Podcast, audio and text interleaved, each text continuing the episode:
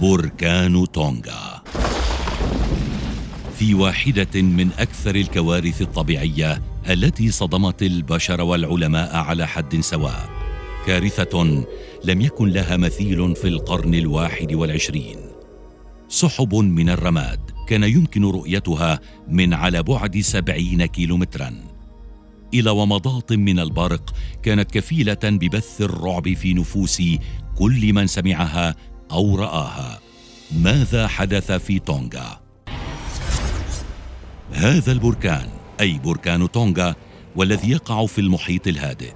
كان من البراكين الغير نشطة نسبيا منذ عام 2014 لكن في كانون الأول من العام 2021 بدأ بالثوران وعليه بدأ بإرسال سحب الرماد الكبيرة إلى طبقات الجو العليا.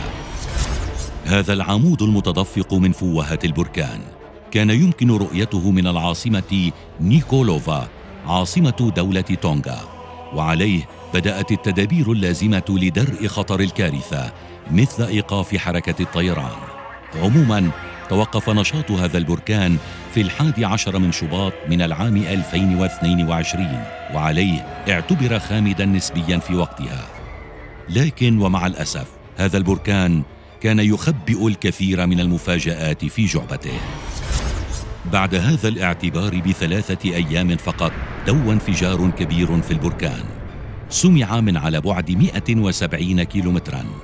لكن هذا الذي انفجر كان يبعث بكميات من الماء نحو الفضاء. فانفجر بركان المحيط الهادئ قبالة مملكة تونغا. تخيل معي أن هذا البركان قد أرسل المياه والرماد والحمم إلى السماء فقدرت كمية بخار الماء الذي صعد للأعلى بما مقداره 57 ألف حمام سباحة أولمبي.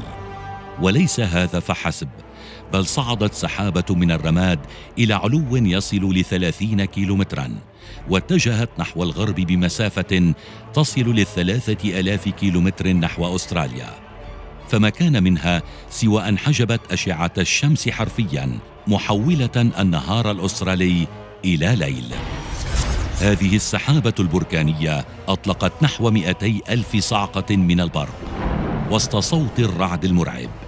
وهذه الصعقات كانت كفيلة بقطع الاتصالات في أستراليا وتونغا بسبب الطاقة الكهرومغناطيسية التي خرجت منها.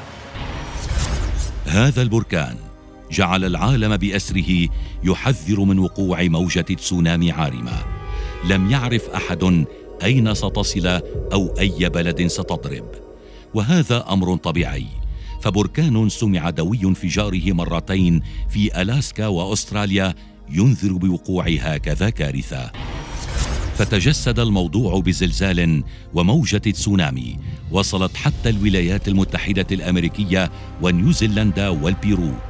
لكن عاصمة تونغا كانت لها الحصة الأكبر.